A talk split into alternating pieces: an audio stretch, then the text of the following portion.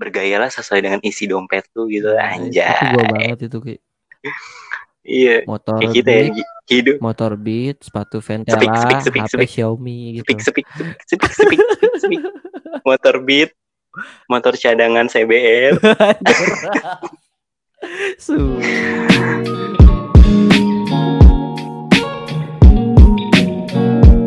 Oke ini podcast Kuli bercerita hari ini gua Rizky gua gue sendirian kali ini nggak nggak ditemenin sama Randy sama Jupri hari ini gua bakal ngobrol-ngobrol sama teman gua dari podcast sebelah G Ranger Halo. Oke. Halo Ki. gimana Gi kabar lu Gi Alhamdulillah sih, baik. Baik-baik aja sih. Cuman kesel sih gue sama Gimana? lo. Kan kita janjian jam 2 pagi. Kenapa sekarang habis subuh gitu? gue gue aja gue aja nggak sempet sahur tadi Gi kesiangan gue Aduh. cuma salat subuh gue mau minum air putih Emang nggak ada yang bangunin apa? ada ada emak gue bangunin cuman Oh. gue udah udah males ah sahur jadinya Oke oke. Iya nih. Eh, nah hari ini kita mau ngomongin apa sih Gi? Mau Finance ya? finance kan, finance di saat pandemik asik. Finance saat pandemi gitu. Nah ini kayak awal gue bikin podcast ini kan gue podcast gue lebih ke ngarah kehidupan kuliah. Nah kalau Yap. podcast Egi ini G Ranger dia inilah jombloan pujangga sejati lu Mana kalau yang baru denger kalau yang baru dengerin podcast gue sekalian deh dengerin juga podcast G Ranger Oke, dengerin dengerin. Nah. Dengerin podcast gua aja, jangan dengerin podcast kuli. Lu ngapain dengerin podcast kuli? Nggak apa-apa lah Seru. Oke. Kui. Nah, tapi kita mau ngebahas eh, finance bukan dari sudut pandang gimana cara kita ngatur duit atau gimana cara kita gunain duit, tapi lebih ke pengalaman kita aja nih, Oke, Gi. boleh, Iya nggak? boleh, boleh. Oke. Pasti banyak di sini yang sebel- gajinya UMR dan bingung gitu. Karena rata-rata eh, Oke. kalau gua lihat di internet dan di YouTube tentunya yang ngebahas finance tuh orang-orang yang menengah ke atas. Benar, Gi? benar, benar, benar. Iya, dan ada yang kurang? Gi. Sebenarnya banyak di sini yang penghasilan UMR, pengeluaran sosialita. Oh. Eh, akhirnya akhirnya ini sekarang banyak banget aplikasi nih rentenir Waduh, online. itu bahaya banget sih. gue iya bahaya banget kan bahaya banget itu rentenir Gue online sangat menghindari itu sih. Nah, gua sama sekali tidak pernah menginstal gue Iya, gue juga, jujur gue juga. oke gue sebelum kita mulai ke finance nih Ki gue mau Mhm. tahu dulu nih lu lu kerja udah berapa lama sih Gue kerja udah sekitar lima tahun. Kan gue bareng sama lu kerjanya. Kita kan Iya, seangkatan. iya ya lu lima tahun ya Gi gue sebenarnya udah enam tahun Ah, lu kan sama PKL ya. gue nggak PKL Gi gue di Ciawi Oh, iya, dulu iya. tahunnya Oh soalnya iya, benar benar benar. Curang lu Ki. gua gua sama Egi kerja di salah satu perusahaan yang ada di kawasan MM 2100 lah pokoknya. Jadi ini ini teman kantor gue juga. Teman berkuliria ya, Ri. Oke. Iya, teman berkuliri eh, Dekat lah pokoknya hubungannya departemennya relate Iya banget. lah. Selama enam eh, lima tahun nih Gi, selama Hmm. lima tahun. Finance lu kalau lu kategorin menurut lu nih, ini mah Iya. opini ya. In your opinion tuh sehat nggak sih Gi? Finance, lu, finance lu. Sehat dalam arti apa nih?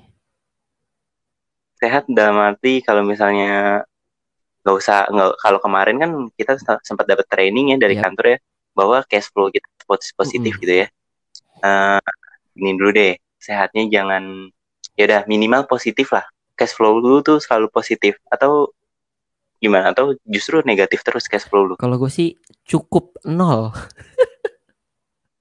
cukup nol berarti balance ya berarti positif kan Nggak ya, negatif. posit- bisa dibilang positif sih, cuman eh, apa namanya? eh gue tuh nggak nyimpen duit, nggak nyimpen dalam bentuk duit kalau gue. Gitu. Jadi di Hmm. akhir bulan pasti udah benar-benar habis gitu. Jadinya aset Gi aset Ya bisa dibilang kalau gue. Oke, mantap. Berarti lu tuh termasuk yang ini ya, apa namanya? Melek finance dari awal gitu. Itu lu kayak gitu. Eh, Selalu merubah jadi aset gitu. Asetnya liquid atau gimana gimana? Enggak liquid sih. Jadi gue dari awal kerja juga udah udah emang pertama kehidupan gue emang bukan kehidupan yang butuh nongkrong banyak, butuh Ya, menghambur-hamburkan uang enggak. Gue gue lebih ke barang gue Ki. Gitu. Jadi jadi apa namanya? Kayak misalnya deh, kayak pertama kerja itu, tahun pertama kerja itu langsung gue na- langsung nabung gitu kayak 50% uang gaji gua itu ya gue tabungin untuk membeli barang tersebut gitu. Oke. Tapi lu nabung untuk eh, membeli sesuatu Iya, berarti ya nih ya. untuk membeli Konteksnya ya, bukan bukan kalau misalnya kemarin yang disinggung sama ini kan departemen training kita bahwa kita nabung itu untuk dana darurat ya Gi. Iya. Benar gak sih? Betul, bisa dibilang gitu. Bukan nabung dana darurat Ah. sih lebih tepatnya kita harus menyisihkan dana darurat gitu sih. Betul, betul. Nah ini kayaknya juga kesalahan yang sama yang gue lakuin Gi kayak lu. Gue jadi juga sama nih dari awal gue kerja nih enam tahun yang lalu, gue itu selalu nabung. Gue nggak pernah yang kayak apa habis kerja, habis kerja terus yang kayak kata teman kita ya awal bulan tuh keluarga cendana, akhir bulan keluarga apa? Cemara. gue dari awal bulan keluarga cemara terus gue. sama, sama, sama ki, sama ki, sama. Betul, iya kan ya? Iya, iya Setuju, sih? setuju gue, gue juga gitu. Gue dari awal bulan pokoknya keluarga cemara. Ya adalah sesekali di kayak wa- satu bulan gue kayak misalnya gue merasa gue harus mengapresiasi diri gue sendiri gue baru membeli ses makanan ataupun gay- bergaya hidup ala keluarga cendana gitu. Iya gak sih? Lu lu lu juga gak sih? Atau lu lu selama setahun penuh keluarga cemara terus Enggak juga, gue kayaknya banyakan cendananya gue. Kayak misal se- sebulan 30 hari, mungkin 25 hari cendana gue. Semaranya anjir lu 25 berarti hari. kaya banget dong Eh kebalik ya? Kebalik ya? Kebalik, kembali lu baik dong Berarti Semar gue udah ya, dulu kan pokoknya pokoknya 25 harinya gue susah lah. 5 harinya gue seneng-seneng. lima harinya di awal apa di, Di akhir awal, nih gitu biasanya di awal. Gue selalu di awal. Di awal. Nah kalau gua enggak gitu, kalau gua tuh bener-bener sebulan tuh biasanya apa? Gua tuh membiasakan hidup sebagai keluarga cemara terus. Set, keluarga cemara. Tapi ada satu bulan di mana gua itu ketika gua menjadi keluarga cendana itu gua akan satu bulan full. gua kalau udah mau menghedon, hedon terus gua. Itu sih je- jeleknya gitu. Tapi Ki, kalau misalnya lu nih, lu kalau gua kan dari awal gua gaji, eh dari bahkan dari sebelum gajian tuh gua udah langsung memplot uang-uang gua nih. Kalau lu ada nggak kayak Oh misalnya berarti ada premier atau emergensi, tabungan atau mungkin kebutuhan khusus? Kayak lu gaji lu tuh lu bagi dalam beberapa kategori gitu. Ada nggak? Gua iya pastinya. Yang pasti yang pertama kayak yang kemarin di udah dikasih tahu sama tim training dari itu kan kantor. Mm. Eh, itu gue selalu udah ngisiin yang pertama tuh harus buat eh, pengeluaran wajib. Yap. Gue adalah pokoknya pengeluaran wajib kan itu wajib tuh. Nah habis itu eh, dana daru per tahun 2000 berapa ya? 2018 gue mulai melek finance sebenarnya Gi. Oke. gue mulai nyiapin dana darurat tuh caranya kalau gue gue bukan dana darurat sih ya lebih ke dana yang nggak boleh gue pakai tapi sifatnya dia masih bisa gue ambil. Tapi kalau gue ambil sebelum waktunya dia akan kena charge gitu. Hmm, sekitar sekitar dua persen gitulah. Soalnya ini gue pakainya tabungan berjangka karena jujur kenapa gue pengen nyisin yang dalam jumlah kecil tapi dalam waktu yang lumayan lama lah pokoknya. Kayak gitu. Nah itu adalah gue gue gue mulai melek finance kayak gitu. Karena ya kalau misalnya gue kan kemar tahun pas tahun 2018 itu gue masih kuliah juga kan. Pengeluaran buat kuliah gue lumayan gede tuh. Akhirnya gue cuma bisa ngeluarin untuk dana yang bener-bener gak boleh gue otak atik itu cuman sekitar berapa ya? Nggak nyampe paling empat persen lagi empat persen dari total pendapatan per bulan Hmm, gitu. empat persenan. Dan itu kan jumlah yang kecil banget kan. Makanya gue pilih waktu yang lama Gak gitu. beda jauh sih sebenarnya sama gue. tapi itu iya bener nah tapi gue tetap ada tabungan yang buat wishlist gitu Gi Oh. lu, lu pasti punya Pasti wishlist kan lah. kayak pengen apa Pasti pengen apa pengen Pasti. apa nah itu nah cuman kan tabungan wishlist itu adalah tabungan yang kalau kita wishlistnya sudah i, su- eh, jumlahnya sudah tercapai itu habis Iya. kan Betul. Gue pun begitu. nah itu itu sama Kalau sih gue sih, kalau gue gini gitu. Kalau gue, gue bagi tuh jadi 6 Gaji gue tuh gue bagi jadi 6 apa gitu Yang pertama yang kebutuhan wajib lah. Kebutuhan wajib itu kayak untuk Hmm. hidup dan cicilan. Itu gue sekitar hmm. 30 persen. 30 persen. Hmm. Terus Terus, untuk tabungan emergensi gue 5 persen. Terus untuk gue menginvestasikan diri gue dalam bentuk benda lah. Tiga, sekitar 30 persen Hmm. Dari total gaji gue. Terus untuk entertainment kayak Hmm. buat kuota dan bayar internet kabel gue sekitar 15 persen. Hmm. Lumayan gede sih. gila lumayan gede banget itu. Terus untuk kebutuhan 15 kebutuhan duniawi gua ini du, apa namanya kebutuhan duniawi yang wajib tiap bulan kayak uang kopi gua, terus uang nongkrong gua hmm. itu sekitar 10% dari gaji gua sekarang.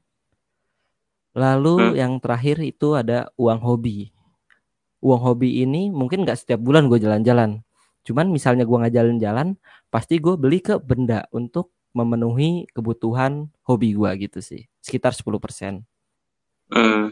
kalau gua gitu. Makanya kalau misalnya lu tanya lu- tabungan gua ada apa enggak ya udah kosong, nol nggak ada. Jadi di akhir di di lima bulan awal tuh udah kosong gitu. Eh lima, hari, awal. lima hari awal itu udah kosong. Tapi gue bisa bertahan Iya, hidup iya, kayak- gitu sampai akhir bulan. Ya iya, karena satu sisi kita masih tinggal sama orang Ya, tua juga kan. Jadi iya sih benar. Jadi kita nggak usah mikirin makan. Bener bener. Nah itu yang gue Iya. manfaatin sih, Gi. makanya sama gue kayak lu eh, ada gue nggak nggak nggak ngarahnya nggak ke yang kayak sifatnya sih eh, mungkin tetap masih konsumtif ya, tapi konsumtifnya yang sesuatu mah kalaupun misalnya tiba-tiba gue ada kebutuhan mendesak barang itu bisa dijual dan sifatnya liquid gitu ya nggak sih Gi? yang lu beli tuh kayak gitu nggak sih Gi? Nggak, kalau gua nggak barang Enggak, gue gue barang enggak? tuh, ya jujur aja ini sebenarnya untuk barang bener-bener yang konsumtif nggak konsumtif juga, lebih ke ya untuk tiga tahun awal gua kerja ya konsumtif lah itu. Cuman yang untuk tahun keempat Ah. dan tahun kelima ini gue membeli sebuah barang yang bener-bener untuk gua ke depannya nanti mungkin untuk sekitar tahun depan atau tahun depannya lagi baru bisa gue pakai itu barang. Dan itu untuk ke depan juga untuk seumur hidup gua gitu.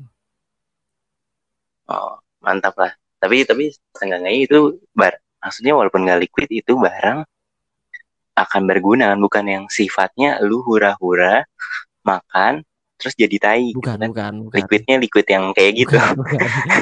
Iya iya iya kan Iya ada sih, juga iya kan. iya, Ya iya. kalau ngomongin ngomongin eh, pengeluaran lu bisa diliquidin dengan cepet gak?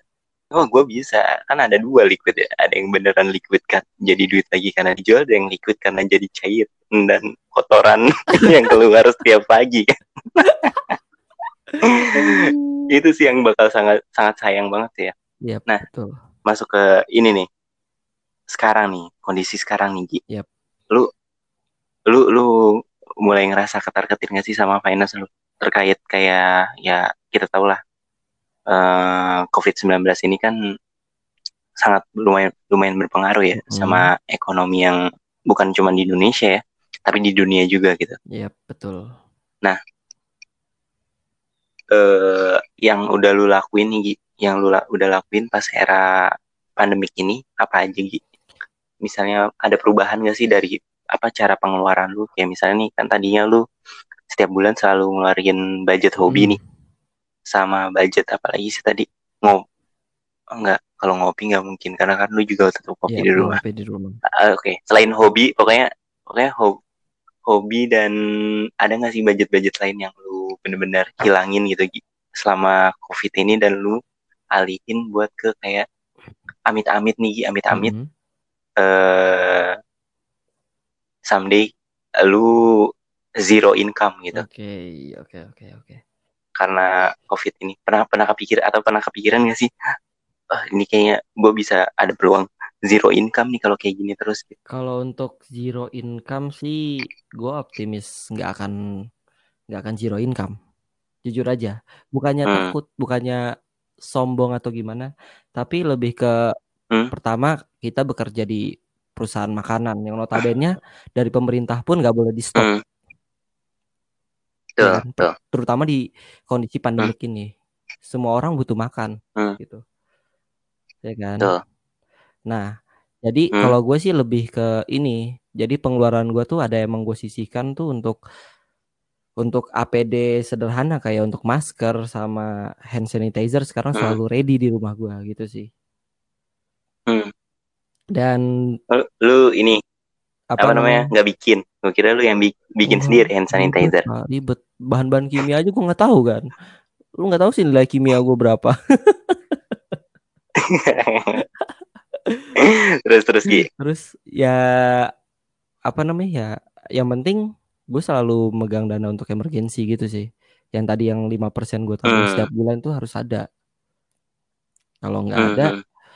ya ya mungkin gue nanti jatuh sakit atau gimana atau keluarga gue yang jatuh sakit kan nama juga pandemik penyakit kita kan nggak ada yang tahu betul walaupun betul kita nggak nggak zero income tapi kan namanya sakit siapa yang tahu gitu. Akan nambah pengeluaran Iya, juga ya Iya nggak sih? orang sakit tuh. Betul betul banget. Minimal walaupun lu menurut walaupun lu eh, di cover dengan asuransi atau BPJS tapi ketika lu sakit kan lu harus ngejagain. Iya. di situ ada pengeluaran-pengeluaran yang akan lebih dari biasanya pasti. Pasti. Ya gitulah. Iya nggak sih? Kayak misalnya kemarin di awal bulan tuh adek gue kena DBD kita ambil contoh dari adek gue kena DBD aja deh itu udah di Hmm, cover sama BPJS dan tetap aja gue harus ngeluarin ongkos buat pulang pergi gue harus ngeluarin ongkos makan adek gue Hmm. karena kalian tahu sendiri makanan rumah sakit rasanya kayak apaan tahu. Itu makanan sehat iya, Gi. iya makanan sehat tapi namanya rasa kan. Kita bicara rasa bicara selera. Iya. Iya benar-benar apalagi di rumah sakit makanan nah, mahal ya. itu. Makanya itu. Dan di situ ya lumayan gue konspirasi nih hari konspirasi. bisnis kantin rumah emang sakit. emang. Lumayan aja enam hari. Enam hari tiga kali makan sekali makan dua puluh ribu sampai tiga puluh ribu. Kan lumayan juga hmm. ya. tiga puluh ribu kali tiga ya. Anggaplah sehari seratus enam hari enam ratus ribu ya. Nah itu. Ya gak sih? Makanya ya gitulah ki kalau lu gimana ki kalau gue nih di era pandemik gue apa ya budget budget gue banyak banget yang berkurang Gi. kayak pengeluaran transportasi oke deh gue sering banget WFH kan Mm-mm. akhir-akhir ini itu gue hitung-hitung pengeluaran transportasi gue tuh turun sampai hampir 50% lah buat transport oke gitu. Kalau internet sih nggak ada kenaikan karena gue dari sebelum pandemi juga udah pakai internet yang sifatnya di rumah tuh unlimited sama kan gue berarti gitu. Iya, jadi jadi kalau orang bilang banyak yang bilang wah WFH terus habis itu di rumah mulu internet jadi boros kalau gue nggak Hmm, ngalamin sama gue juga ngalamin tuh sih untungnya. Terus jadi gue sih malah banyak yang surplus gitu ya Yap, pas era pandemi ini. Jadi jadi bener-bener kayak kayak gue gue siapin kayak gue biasanya nabung cuma sekian, nyisihin sekian. Nah sekarang gue kayak gue oh tambahin berarti gitu sih. untung lu ya?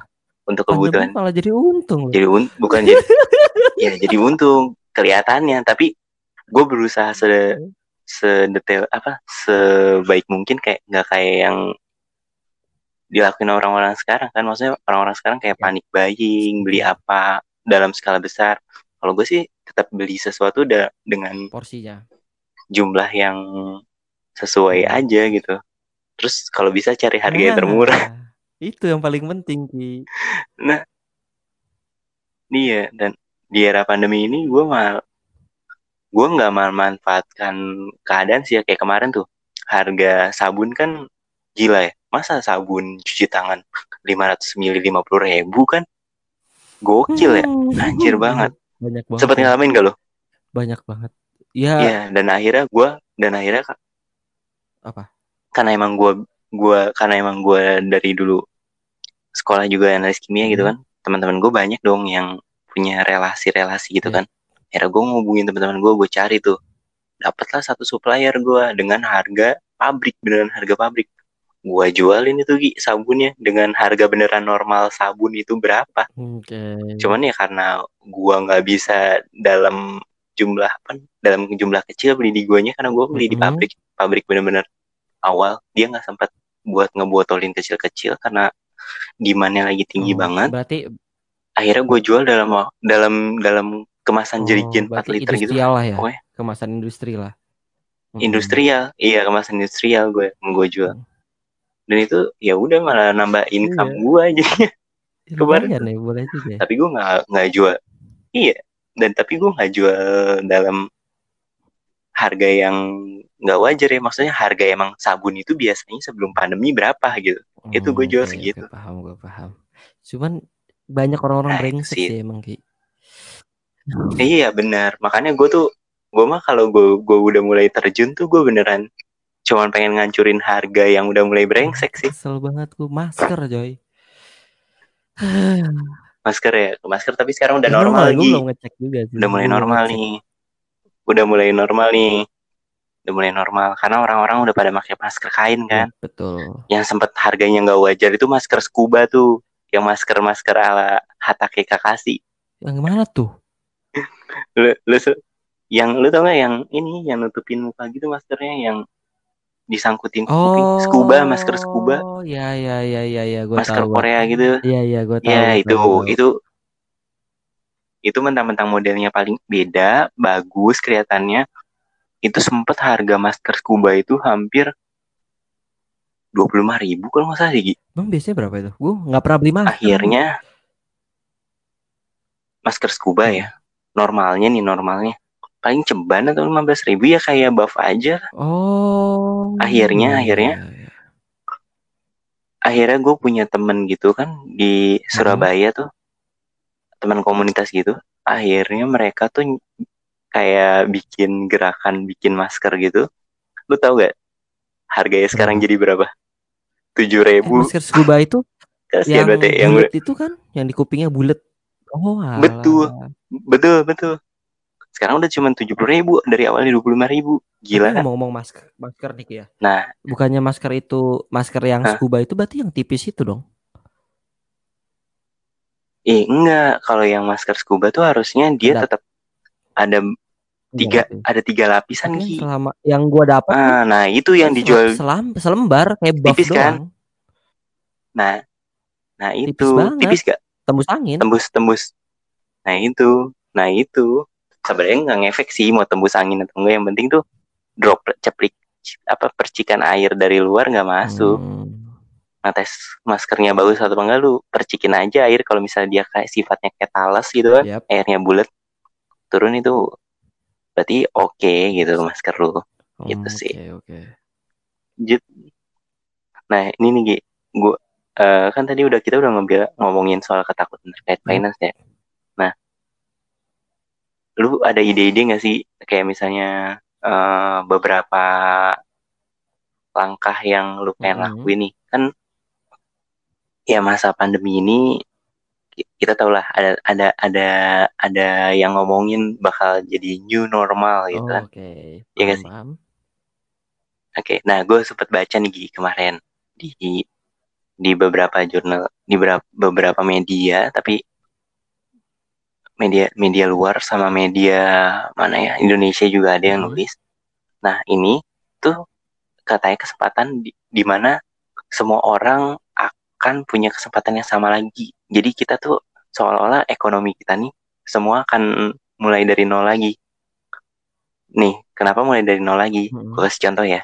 Misal, misal nih, lu mau usaha modal lu cuma 2 Oke. juta tapi lu mulai dengan zero Mhm. karyawan yang artinya lu cuma nanggung keluarga lu satu keluarga lu misalnya cuma tiga Mhm. orang atau lima orang lah yang normal di Indonesia nah ada perusahaan yang omsetnya udah miliaran rupiah tapi dia sekarang harus menanggung beban hidup karyawannya misalnya katakanlah 500 orang Mhm. 500 orang anggaplah UMR sekarang berapa sih 4 juta lah, 4 juta. 4 juta lah ya. kita 500 kali 4 juta 20 sekian 200 sekian juta. sekian eh, ratus 2 M lah. ya sekian sekian M dia harus nanggung sekian M per bulannya sedangkan lu nanggung ya hanya biaya hidup keluarga gitu dengan modal 2 juta berarti kan ini adalah fase di mana kesempatannya setiap orang tuh punya peluang yang sama buat maju nih. Iya gak? Lu nyadar gak? Gue Lu sih nyadar baru gak? kepikiran sekarang. Gue sih pengen bikin. Baru kepikiran sekarang kan. Gue juga gara-gara baca baru baca itu nih. Makanya gue ngajakin lu bikin podcast itu pas abis dengerin Melek Finance kan kemarin kita Melek Finance itu Ya. back to basic kan ya. Ya back to basicnya tuh setuju sih kita emang harus bener-bener apa ya pengeluaran tuh cash flow-nya positif gitu ya. Ya memang harus. Kan ada yang nanya ya kemarin kalau cash flow kalau cash flow-nya negatif gimana? Ya mau nggak mau harus nambah Iya benar benar Bener Bener gak sih? benar. karena karena bener deh.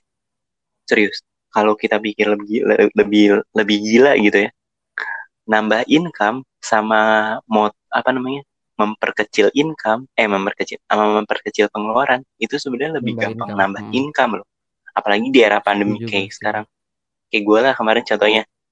Yang penting lu jago ngelihat peluang sama punya relasi Yap. gitu ya. Kayak kemarin lah ada ada peluang harga sabun naik. Nah gue nyari supplier bener-bener yang termurah dan akhirnya gue jual harga sabun normal Tapi tapi gokil sih. otomatis Lu kepikiran ke situ loh. Gue nggak kepikiran loh. kalau gue sih beneran kalau gue sih beneran dari dulu tuh jualan barang tuh lebih ke ini ada harga yang nggak masuk akal nih gue punya temen gak ya yang bisa diandelin gitu kayak gitu tapi nggak bisa gue nggak nggak nggak belum pernah bisnis yang apa usaha jualan gitu yang sifatnya long term belum pernah biasanya gue kalau gue niatin long term ujung-ujungnya tuh acak adut semua. Nggak pernah jalan gue Jalan cuman nggak berjalan lama. makanya gue mendingannya iya benar. Nggak nggak nggak lama. Makanya gue sekarang sekarang belum terlalu fokus Hmm. juga kan. Cuman yang penting nambah income di era pandemik gitu sih. Kalau saran gue buat teman-teman yang kayak kita gitu yang kulit kita nggak usah malu buat jualan lah. benar. pokoknya lihat di era pandemi kayak sekarang bener-bener banyak harus ini, peluang banget. Enggak banyak fight bikin, lah bikin banyak peluang. Banyak- banyak banget Ki. Iya sebenarnya sebenarnya banyak banget peluangnya kok kayak misalnya kemarin harga masker eh apa namanya kesehatan masker Mhm. medis kan mahal tuh ya akhirnya orang-orang pada Kain. bikin Ya, masker temen-temen kain ya kan Banyak yang bikin loh. Ya. Masker kain. bener Terus Iya sih? juga terus apa lagi ya apa, ya apa kayak namanya? Banyak juga yang bikin hand sanitizer sendiri dan dijual dengan betul harga yang tapi masuk itu akal. gue nggak nggak tapi itu gue nggak nyaranin sih karena sebenarnya bikin hand sanitizer sendiri itu bukan buat dijual lagi buat dipakai sendiri buat pakai sendiri. karena kalau Iya, dijual lagi kalau Kalau dijual lagi kalau misalnya ada PPOM. kenapa-napa iya betul itu Eh, tapi itu gue makanya BPOM kan? walaupun gue bisa gue nggak berani Masuknya Apa? BPOM kan? Itu masuknya BPOM. harusnya kan? bukan nomor re- nomor regre, eh, regre- registrasi Oh, Kemenkes Kemenkes ya? Oh iya benar Kemenkes. Iya, gue baru lihat. iya kalau BPOM lebih ke obat sama makanan Iya iya iya, benar benar. Hmm, Hmm, ya itu ya yang simpel-simpel aja lah nggak Iya nggak sih? Ya benar. Benar banget. tapi tapi lu, lu ketakutan ada ketakutan nggak sih di era kayak sekarang? Ketakutan terbesar lo apa? Terkait finance ya terkait finance. Ini kita ngomongin finance dulu. Terkait finance sih, jujur gue tuh nggak takut, nggak tahu kenapa ya. nggak ada Nggak ada ketakutan jadi- sama sekali. Nggak ada kayak berarti bagus Jadi- lah. Berarti Jadi gini, bagus. jadi ya sesuai tadi apa namanya keuangan gue nggak ada yang berubah sama sekali. Keuangan gue nggak ada yang entah itu nambah tinggi atau nambah turun. Nggak ada gitu. Hmm. misalnya pun ya bener lah nambah turun. Itu pun gue lokasin ke yang lain. Itu kayak Hmm. ke emergensinya gue naikin kalau ada. Atau mungkin benar apa namanya eh jadi sekarang kan bulan puasa ya Ki ya pasti iya pasti bulan pengu- puasa tuh pengeluaran makanan malah lebih lebih banyak ya. gitu jadi ya udah gue lokasin ke situ aja gitu. Iya iya. lebih ke situ sih Ki. Mantep sih mantep banget. Apa? Ya ya sih tapi emang bener sih yang kayak lu bilang tuh. Ngatur uang tuh eh, banyak kan orang-orang yang apa eh ngedikte terkait financial modeling tuh ya itu kelas menengah ke atas emang kalau gue rasain gue juga dari dulu sebagai kelas menengah ke Hmm. bawah gitu ya itu financial modeling tuh susah Yap. ya nggak sih karena emang kita nggak ter kayak karena kita emang terbiasa nggak tegaan biasanya kalau finance apa tipe-tipe finance-nya menengah ke bawah tuh kayak misal nih kita udah budgetin Mm-mm. gue makan sehari pokoknya dua puluh ribu Yap. terus tiba-tiba lu hari ini bekerja sangat keras terus habis itu lu pulang lewatin contohnya misalnya Starbucks gitu Starbucks. Misalnya misal. Mm-mm. oh gila kayaknya gue harus ini self appreciate nih buat diri gue gue minum kopi dulu lah di Starbucks. Bi- biasanya nih lu ngopi. Sasetan tiga ribu misal gitu kan dengan kelas lu. Terus hari itu lu harus Mm-mm. ngopi dengan jumlah lima puluh ribu. Cuman dengan Segelas. alasan segelas lima puluh ribu ya iya lima puluh ribu segelas dengan alasan apa? Self self apa penghargaan diri sendiri tuh. Namanya? ya pokoknya itulah. Ya pokoknya itulah menghargai diri. Self appreciate. Iya. anjir. Wah, Tapi- self appreciate nih. kalau gue nggak ke situ sih Ki. Lu lu kayak gitu gak gue nggak gitu. Gue nggak gitu. Gue beberapa kali kejebak kayak gitu gue kalau gue tuh kejebak justru kalau misalnya kerjanya kerja kerasnya tuh dalam waktu lama. Contoh misalnya long shift terus Hmm. nih. Itu. Nggak bak justru justru nggak bakal nambahin tabungan gua. Tapi biaya kebutuhan duniawi dan gua malah di gua naikin malah gua naikin. Jadi eh, apa, Bener-bener. uang tambahan tersebut gue bikin buat ya ya emang buat liburan gua buat hobi gua ataupun ya buat ya buat biasa buat hobi sih gue jalan-jalan sih. Lebih ke situ sih kalau gua. Nggak sehari sehari sehari gitu nggak berarti berarti sama kan? Ya, self sama aja appreciate intinya. bener gak Gi? Bener sama Iya. aja. Nah itu ya itu. Ya, makanya itu.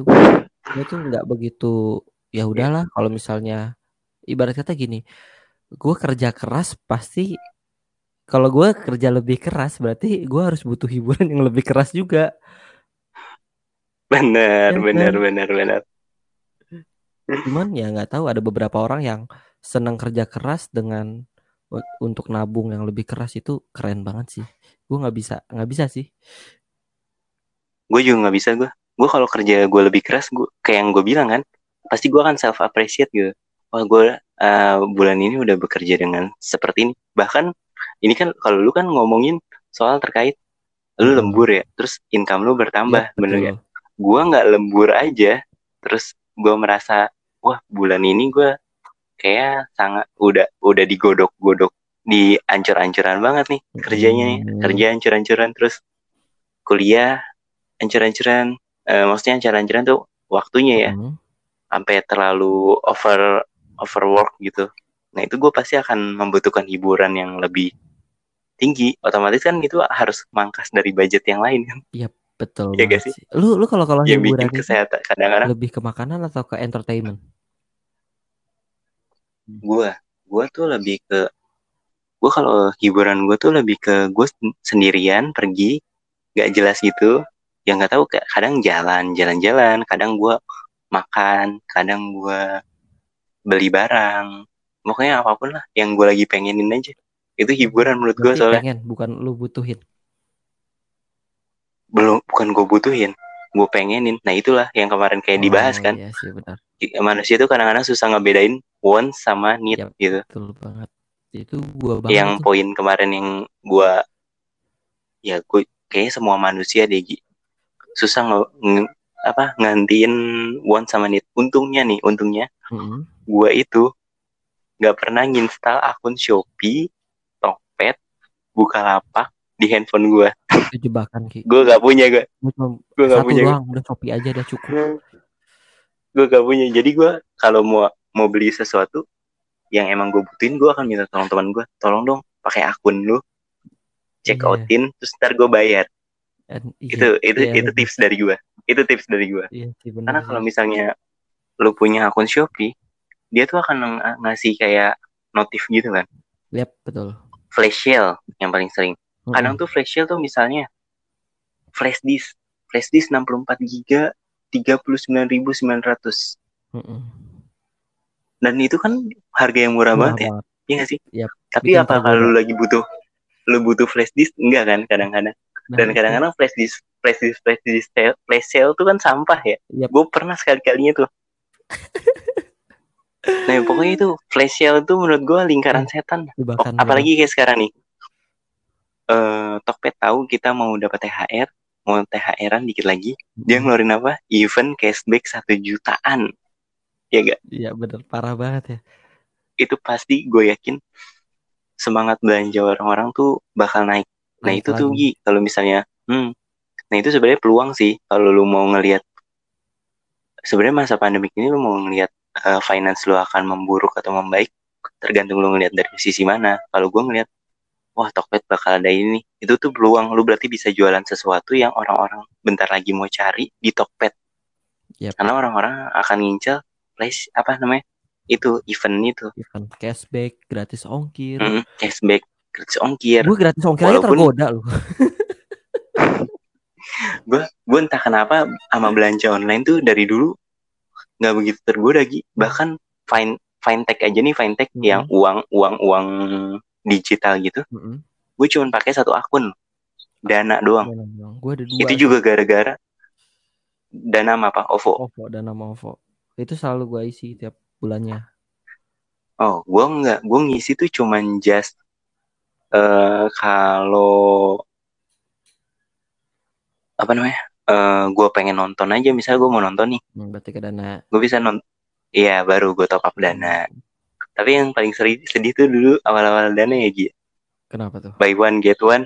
Bingung get one-nya buat siapa. Waduh, gue nggak tergoda buy one buy one get one sih. Gue nggak pernah tergoda itu ki. Nah gue suka, gue gue justru tergodanya kayak gitu. Misalnya nih, gue nggak pengen nonton film itu. Eh tapi film itu buy one get one. Terus gue cek ah, sinopsisnya. Oh ini bagus nih kayaknya gitu. Terus gue juga kayak kerja sangat keras nih. Gue akhirnya beli. Gitu. Kalau gue nggak gitu pernah sih. gitu. Gue kalau kalau emang buat Dan di dana atau OVO ya gue pas buat nongkrong aja. Kan kebetulan juga gue jarang nongkrong gitu ya. Jadi ya. jadi lu kalau nongkrong bayarnya langsung digital gitu ya. Gue lebih Sambil manfaatin promo-promonya. Ya, gue lebih milih. Kenapa gue lebih milih kalau bisa nongkrong atau lagi lagi nongkrong lah di luar? Kenapa gue lebih milih Hmm. digital dibanding cash? Cash? Karena kalau digital itu ada riwayatnya ki, jadi ketahuan gitu, duitnya ketahuan. Justru kalau misalnya aja? nongkrong dengan gue jajan lah, gue jajan dengan uang cash itu kayak nggak berasa gitu, lenyap aja gitu. Benar-benar ya. Gue kalau gue masih masih sekarang pemikiran jadul gue. Oh, kalau gue sekarang lebih memilih pakai uang virtual Digital. dibanding uang digital. Gitu. Karena ya bisa gue track gitu. Wah, gue borosnya kopi gue kok naik ya gitu. Jadi cepet sadar lah, jadi cepet sadar. Kalau Benar-benar. kalau gitu kan nggak nggak sadar sadar. Aduh, uang gue hilang ke mana? Pusing sendiri nanti. Iya iya iya. Bener bener sih sebenarnya apalagi uang digital tuh ada beberapa cashback gitu ya. Iya sih? Nah itu ada menguntungkan Kayak- juga kan. Iya benar. Tapi ya itu godaannya juga gede juga. Yang seperti yang lu Iya bilang. iya. Buy one get one. Terus Betul. Padahal kita nggak pengen, jadi pengen. Bener. Makanya Orang gue pernah kok, gue pernah satu ketika gue tuh di satu bulan itu gue mengalokasikan sekian dana untuk main. Maksud gue biar gue lebih hemat dan ke dana aja maksudnya. Gue pindahin lah ke dana akhirnya. Gak nyampe satu hari gue habis gue sih Dana main sebulan gue. gila sih. Gila. Iya sih. gara-gara gue. Kalau gue gara-gara emang gua- Nah itu gue juga heran. Nah makanya gue kalau gue ketika gue gue cash, budgetin. kalau gue nih kalau gue ngeluarin uang cash tuh kayak kan kelihatan di dompet ya Gi. Anjir nih Mm-mm. uang gue tinggal selembar nih gitu. Udahlah, udahan jajannya gitu. Kayak gitu sih. Oh. Makanya gue lebih milih uang cash itu kalau gue. Tapi setiap orang bisa beda-beda lagi ya. Ya, kayak kayak. Egi kan lu kan eh, alasan lu pakai uang digital ya buat nge-track, ya biar biar bisa nge-track pengeluaran lu buat nge-track pengeluaran. Hmm. Yap, betul. lebih ke ini. Di treatment. Ya nggak sih? Lu pernah denger gak sih? Ketika lu ngeluarin bayar sesuatu dengan uang cash sama bayar sesuatu dengan uang digital perasaannya akan beda. Karena ketika lu ngeluarin uang seratus ribu dari Iya dompet sih. untuk bayar sesuatu lu akan ngelihat isi dompet lu. iya ada lu akan ngeliat isi dompet lu tinggal berapa. Tapi kalau lu ngeliat kalau lu Iya bayar pakai digital ya udah just lu nggak ngerasa kehilangan apa pun sebenarnya hanya sebuah angka gitu loh. Oh iya ya gue paham. tapi paham. bener ta- tapi bener kok yang lu lu bilang tuh nah masalahnya kan ada orang-orang yang kayak gua Gi kalau misalnya gua pak gua itu kalau pakai uang digital Mm-mm. eh, malah kayak gitu ya nggak sih yang harusnya budget itu budget buat satu bulan gua habisin satu hari kan kampret ya itu gua pernah sebodoh itu tuh gunain finance gua. Tapi itu mungkin gaya hidup juga, Ki. Gaya hidup juga ngaruh. Kalau gue nggak suka nongkrong nih, nggak suka Nah, jajan juga. itu Gi. Gue juga nggak suka nongkrong. Gue cuman baru kali itu hari itu gue keluar terus gue pengen main. Terus tiba-tiba gue baru sekalinya pakai fintech itu. Gue main lah pokoknya. Terus "Ih, ini diskon ya bayar. Ini diskon ya bayar. Ini diskon ya bayar. Gue sampai lupa gitu itu harusnya buat satu bulan Untung gue gak pernah kejebak kayak gitu sih. gue parah Untung ya banget lu. gue ya, emang parah banget ya. Ini ini sebagai wanti-wanti gue juga sih sebenarnya. bener-bener nah ini buat yang dengerin ya udahlah pokoknya ntar ntar kita ntar kita bikin konklusinya gitu terkait Hmm. finance apalagi Gi? kayaknya kayaknya udah ya cukup cukup nggak sih. Cukup ngebahas sih. finance ya udah gue gue tarik kesimpulan ya, Ya, pokoknya Yep. pokoknya eh, kemarin tuh jadi Egi sama gue tuh habis ngikut kelas gitu live di Instagram eh itu temanya tuh terkait finance tapi lebih ke back to basic sih sebenarnya jadi intinya adalah cash flow kita tuh yang yang bagus tuh kita harus positif gitu harus tetap punya Yep. dana darurat tapi kan ya namanya manusia ya kadang-kadang wants-nya tuh lebih tinggi daripada need ya nggak sih Hmm. keinginan tuh lebih lebih tinggi daripada kebutuhan. Nah kalau dari cerita gue sama Egi tadi, jadi lebih benar-benar yang pertama cara buat nanggulingin biar kita nggak kejebak lagi. Pertama apa Gi? Dari lu? Saran lu. Biar orang nggak Kalau gue terjebak. saran gue yang pertama ya lu harus tentuin dari awal gitu gaji lu tuh berapa persen ke mana berapa berapa persen ke mana berapa persen ke mana. Biar bi- itu sebagai rule aja rule belanja lu. Betul, betul, panduan belanja lu di situ. Jadi kalau seandainya eh apa namanya seandainya emang udah nggak ada uang lagi misal buat buat kebutuhan eh tiba-tiba wah 500 ribu kok udah habis nih buat entertainment kita nih Hmm. terus mau butuh lagi ya lu nggak bakal bisa ngambil dari mana-mana lagi Oh, nggak, lu berarti bukan orang yang menerapkan ini transfer budget. Enggak enggak enggak, enggak gua enggak gua enggak gua enggak Jadi kalau Gua udah enggak. habis udah gitu ya. kalau nggak habis kalau udah habis ya udah udah tapi kalau misalnya belum habis ya gua habisin bukan kalau surplus, oh berarti gue saving gitu.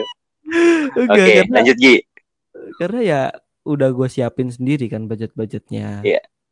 gitu kayak kalau misalnya kurang kalau misalnya belum habis tuh kayak kurang aja nggak tahu ini setan aja emang Oke, terus terus Gi kan yang per- eh, yang pertama tuh lu harus kalau dari lu lu harus apa eh, bikin skema budgetingnya gitu lah ya. Iya, Yang kedua pemetaan tadi? budgetnya. Yang kedua, terus yang dari lu? kedua ya lu harus punya emergency budget sih kadang orang-orang nabung nabung nabung Benar. nabung tapi Tapi buat wants-nya juga ya. Iya, tapi sih? buat wants kita? juga. Iya, iya yang pertama Betul, gaji betul. ta- tahun, dua tahun, tiga tahun pertama gue. Terus di yang ketiga ada lagi nggak? Terus apa lagi ya?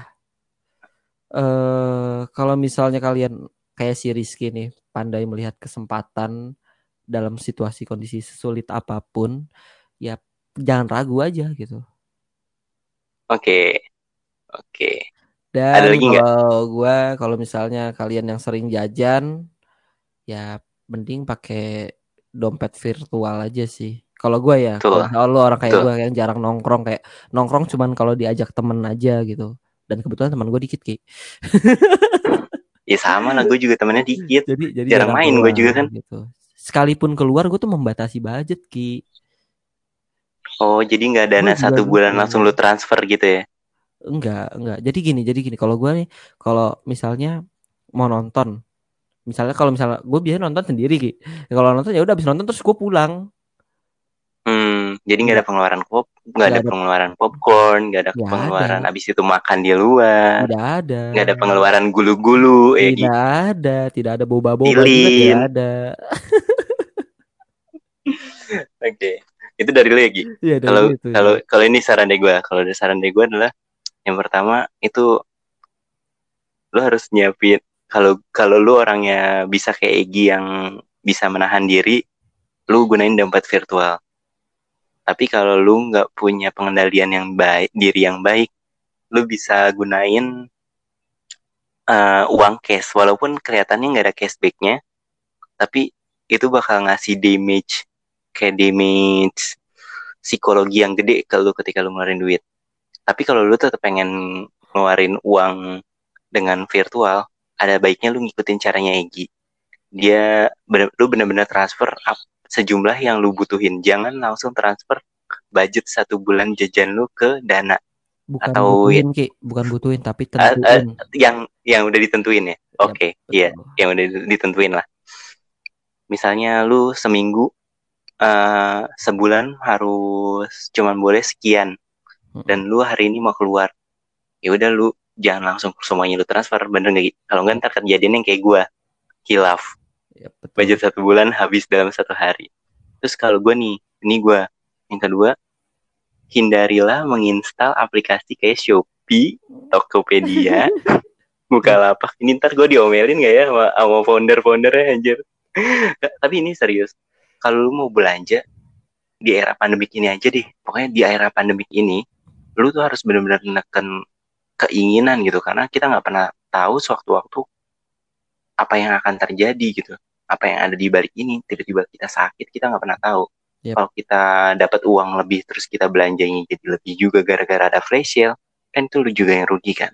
Iya, Biasanya juga betul. orang-orang ngeliat flash sale juga cuma pas pengennya doang, angkanya murah, pas barangnya datang lu pasti akan nyesel. Iya, aduh. Gunanya Nah, apa lu bisa gitu, guna- gitu. Ya, Gunanya apa? kalau ini gue pernah gue baca, lu bisa pakai tips ini eh lima hari. Jadi misalnya lu pengen barang, lu tahan sampai lima hari. Kalau lebih dari lima hari, terus sa- sambil dalam lima hari itu, lu sambil tanya, ini barang ini kalau udah gue beli, mau gue apain ya? Ini kalau barang ini kalau gue beli, eh bakal gue taruh di mana ya? Ini barang ini kalau udah gue beli, bakal gunanya apa buat gue? Kayak gitulah pokoknya terkait kayak gitu-gitu gitu. Ya, gue setuju. Itu lu- lu- itu. itu itu iya kan ya Gia? Yep. Karena karena katanya kalau lu lebih dari lima hari dan jawabannya adalah lu butuh berarti lu butuh beneran barang itu. Tapi kalau misalnya dalam lima ha- hari, biasanya di hari ketiga juga lu udah nggak pengen lagi kok. Itu cuman kalau kata orang Indonesia mah mata indreng. Mata apa? Jadi Mata, Mata gua. Indonesia nggak tahu loh. eh, lu gak tahu? Iya anjir. Itu bahasa mak gua kali ya. Mata indreng tuh kepengenan Gi. Oh. Pokoknya gitu dah. Gue bilang Nah, apa ya terus- mata itu sih. Apa? Lupa lah gue. Ya udah. Terus yang terakhir dan paling utama adalah yang kayak tadi Egi bilang harus nyusun peta keuangan. Gue setuju banget sama Egi. Itu peta keuangan tuh harus disusun dengan rapi dan disertai dengan komitmen. Yap, setuju banget. iya gak iya gak Yap, karena tanpa betul. komitmen lu percuma lu bikin peta di awal bulan tapi kalau lu nggak komit ya udah lu bakal ngerasain lingkaran setan seumur hidup lu. Yep. terus yang lubang, terakhir nih ini ya ini yang gua ini yang gua rasain ya. Apa? buat lu yang pernah ngerasain nabung cuman buat wants dan sekarang lu finance fin finansial lu lu nggak punya dana darurat lu bisa mulai aja kok. Nggak ada nggak ada salahnya kok. Kita nggak ada yang tahu. Lu jangan merasa umur lu udah sekian aduh gue umur gue udah sekian nggak punya dana darurat. Lu nggak usah ngeratapin itu tapi mulai aja dari sekarang. Setuju banget gua. karena gue pernah ada di kondisi itu. Gila gue nggak punya dana darurat. Gue harus gimana nih harus gimana? Ya udah akhirnya padahal jawabannya simpel. Ya udah mulai aja dari sekarang. Jadi kalau 10 tahun lagi lu saat 10 tahun lagi lu jadi udah punya dana darurat. Kayak gitu. Dan nggak perlu gede sih. Kalau menurut gua iya nggak perlu gede. nggak perlu gede. Ya, Dana darurat nggak perlu Kalau gede. gua aja 5% gitu kan. Ya gue juga 5% sanggupnya Makanya. tapi itu di luar tabungan wants ya Ya betul. ya nggak sih Harus dipisah sih. karena tabungan iya karena tabungan wants itu adalah tabungan yang adalah yang akan habis ketika keinginan lu sudah tercapai budgetnya Ketika pasti sudah habis. waktunya sudah pasti langsung habis. iya betul itu lagi Yep, tiga betul. tahun pertama ya Gi sama Tiga kayak gue tahun pertama. gue yakin sih banyak kuli-kuli lain di luar yang ngerasain hal yang sama amit-amit jangan sampai ada yang tiap bulan gali lubang tutup lubang pakai pinjaman online ya pokoknya di era pandemi kayak sekarang semiskin apa pun itu lu hindarin ngutang hindarin ngutang pokoknya Biasanya gaya hidup ki. iya tekan apa pun yang lu bisa Ya lu atau kalau emang lu ngerasa gaya hidup lu emang harusnya tinggi mm-mm. ya berarti lu mau nggak mau lu harus harus bekerja lebih keras untuk memperbesar income lu Iya. kalau lu emang nggak bisa bergayalah sesuai dengan isi dompet lu gitu Nah, anjay Itu gua banget itu ki. iya Motor kayak kita ya Beat, Gi- hidup motor Beat, sepatu Ventela, Sepik, sepik, sepik, HP sepik. Xiaomi gitu. sepik sepik sepik sepik sepik motor beat motor cadangan CBR